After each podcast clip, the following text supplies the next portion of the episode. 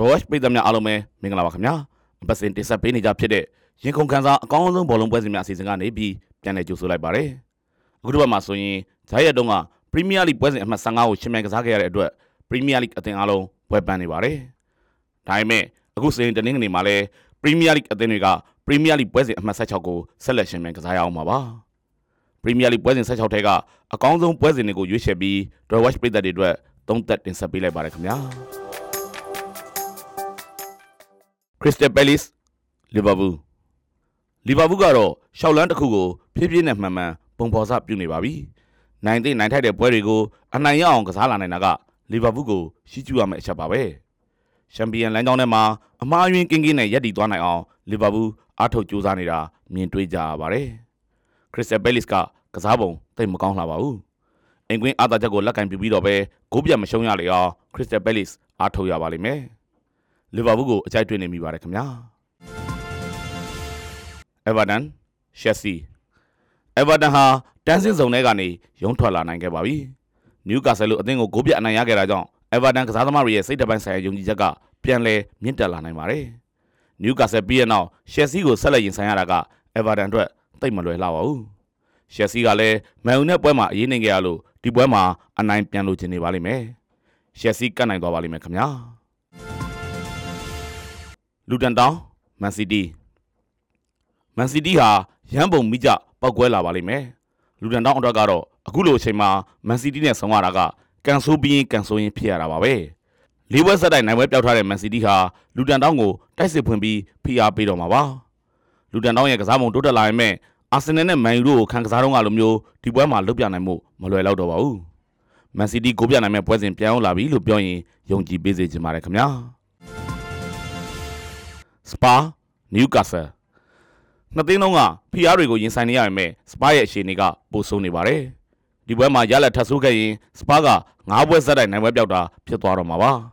နယူကာဆယ်ကလည်းအေဗာတန်ကို၃ခုပြတ်အရေးနေထားလို့ဒီပွဲမှာအနိုင်ရလက်ရယူပြီးကုစားချင်နေပါလိမ့်မယ်နယူကာဆယ်နဲ့ပတ်သက်လို့မဖြစ်မနေစဉ်းစားထားရမှာကဒီပွဲပြီးရင်ချန်ပီယံလိအဆုံးဖြတ်ပွဲဆက်ကစားရဖို့ရှိနေတဲ့အချက်ပါပဲ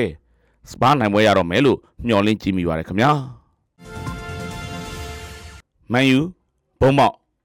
မန်ယူအတွက်ခက်ခဲတဲ့ပွဲစဉ်မျိုးဖြစ်လာစရာရှိနေပါတယ်။ဘာကြောင့်လဲဆိုတော့ဘုံမောက်ကနောက်ဆုံးကစားထားတဲ့ပရီးမီးယားလိပွဲစဉ်၄ပွဲဆက်တိုက်ရှုံးပွဲမရှိရလနဲ့ဖျက်ဆီးထားလို့ပါပဲ။အဲ့ပွဲစဉ်၄ပွဲမှာဘုံမောက်ကတေကြတာဆိုလို့တပွဲတည်းသာရှိခဲ့ပြီး၃ပွဲတောင်နိုင်ထားပါတယ်။မန်ယူအတွက်ကံကောင်းတာတစ်ခုကအင်္ဂွင်းပွဲစဉ်၂ပွဲဆက်တိုက်ကစားခွင့်ရတာပါပဲ။ဂျာရက်တုံးကအိုထရာဖုန်မှာရှက်စီကိုနိုင်ထားတာကြောင့်မန်ယူရဲ့စိတ်တပိုင်းဆိုင်ရာယုံကြည်ချက်မြင့်တက်နေပါလိမ့်မယ်။ ချန်ပီယံလိအုပ်စုဆင်းကိုကြော်ဖြတ်နိုင်တဲ့အတွက်ဘိုင်ယန်မြူးနစ်နဲ့အဆုံးဖြတ်ပွဲစဉ်မကန်ရခင်မှာအသင်းကိုနိုင်ပွဲနဲ့အတူပြင်ဆင်မှုတွေလုပ်ထားဖို့မန်ယူနီးပြအေးတဟတ်စိတ်ကူးရှိနေနိုင်ပါတယ်။ရက်စီနဲ့ပွဲတုန်းကလိုဟန်ချက်ညီညီကစားနိုင်ခဲ့ရင်မန်ယူအတွက်ရလက်ကောင်းရဖို့ကမခက်ခဲတော့ပါဘူး။ဒီပွဲပြီးရင်ရှေ့လာမယ့်တစ်ပတ်မှာလီဗာပူးကိုရင်ဆိုင်ရဖို့ရှိနေတာကြောင့်ဒီပွဲဟာမန်ယူအတွက်တော့မနိုင်ရင်မဖြစ်တဲ့ပွဲစဉ်သဘောမျိုးဖြစ်နေပါတယ်။ဘုံမောက်ရဲ့တံမြန်တိုက်စစ်တွေကိုမန်ယူခန်းစစ်နဲ့ဂိုးသမားအိုနာနာတို့တီတီငင်ငင်ဟန်တားနိုင်မှုလိုအပ်ပါတယ်။ မန်ယူတိုက်စစ်ဟာဒီပွဲမှာအသင်းအနိုင်ရဖို့အတွက်လိုအပ်တဲ့ဂိုးတွေကိုရှာဖွေပေးနိုင်လိမ့်မယ်လို့ယုံကြည်မိပါတယ်။မန်ယူရဲ့အနိုင်ရတာဟာနှစ်ဂိုးပြတ်သားပါလိမ့်မယ်ခင်ဗျာ။အက်စတွန်ဗီလာအာဆင်နယ်အမတ်ပေးစရာရဲ့အဆင့်3နေရာစီကိုရောက်ရှိနေတဲ့အက်စတွန်ဗီလာဟာအာဆင်နယ်ကိုဒုက္ခပေးလိမ့်မလားဆိုတာတွေးကျင်စရာပါပဲ။တခုရှိတာကပွဲစဉ်စရာအနေထားပဲဖြစ်ပါတယ်။အာဆင်နယ်ကအခုမတိုင်ခင်မှာဗန်လီဘရန်ဖို့ ဝူလ်ဗာဟန်တန်နဲ့လူတန်တောင်းတို့ကိုရင်ဆိုင်ခဲ့ရပါတယ်။အက်စတွန်ဗီလာကတော့အခုမတိုင်ခင်လေးဝက်မှာဖူလန်စပါဘုံပေါင်နဲ့မန်စီးတီးတို့ကိုရင်ဆိုင်ခဲ့ရတာပါ။ဒီပွဲပြီးသွားရင်နှစ်သင်းလုံးကဥရောပပွဲစဉ်တွေရှင်ပြိုင်ရဖို့ရှိနေပါသေးတယ်။ပွဲစဉ်ဖြတ်သန်းခဲ့ရမှုကိုချိန်ထိုးကြည့်လိုက်ရင်အာဆင်နယ်ကပွဲပတ်မှုအနှဲငယ်တက်တာနေတာကိုမြင်ကြမှာပါ။စပါးနဲ့မန်စီးတီးတို့လိုအသင်းတွေကိုရေကုန်ရေခမ်းကစားခဲ့ရပြီးတဲ့နောက်မှာအာဆင်နယ်နဲ့ဆက်တွေ့ရတာကအက်စတွန်ဗီလာအတွက်မလွယ်တော့ပါဘူး။ အက်စတွန်ဗီလာနီးပြယူနိုက်အမ်ရီရဲ့နီးပြူဟာရှမှတ်မှုပန်းတဲ့လွန်တာကိုတော့အာဆင်နယ်သတိပြုရမှာပါ။နီးပြယူနိုက်အမ်ရီအတွက်လည်းဒီပွဲကအသင်းဟောင်းကိုပြန်လည်ရင်ဆိုင်ရတဲ့ပွဲစဉ်ပါပဲ။အက်စတွန်ဗီလာရဲ့အားသာချက်ကပုံစံကောင်းတစ်ခုရနေတာရဲ့အင်ရှင်အခွင့်အရေးရထားတာရဲ့ပဲဖြစ်ပါတယ်။အာဆင်နယ်ဟာအက်စတွန်ဗီလာကိုအနိုင်ရဖို့အတွက်ခက်ခက်ခဲကစားရမှာပါ။အမတ်ပေးစရာရဲ့ထိတ်ဆုံးနေရာကနေဖယ်မပေးရစေဖို့အတွက်အာဆင်နယ်ဟာပွဲကိုထိန်ပြီးသတိကြီးကြီးနဲ့ကစားသွားပါလိမ့်မယ်။ အရေးကြီးချိန်တွေရောက်ရင်အဆုံးအပြတ်ဂိုးတွေသွင်းပေးနိုင်တဲ့ကစားသမားတွေရှိနေတာကအာဆင်နယ်ရဲ့အားသာချက်ပါပဲအာဆင်နယ်ကတ်နိုင်သွားပါလိမ့်မယ်ခင်ဗျာ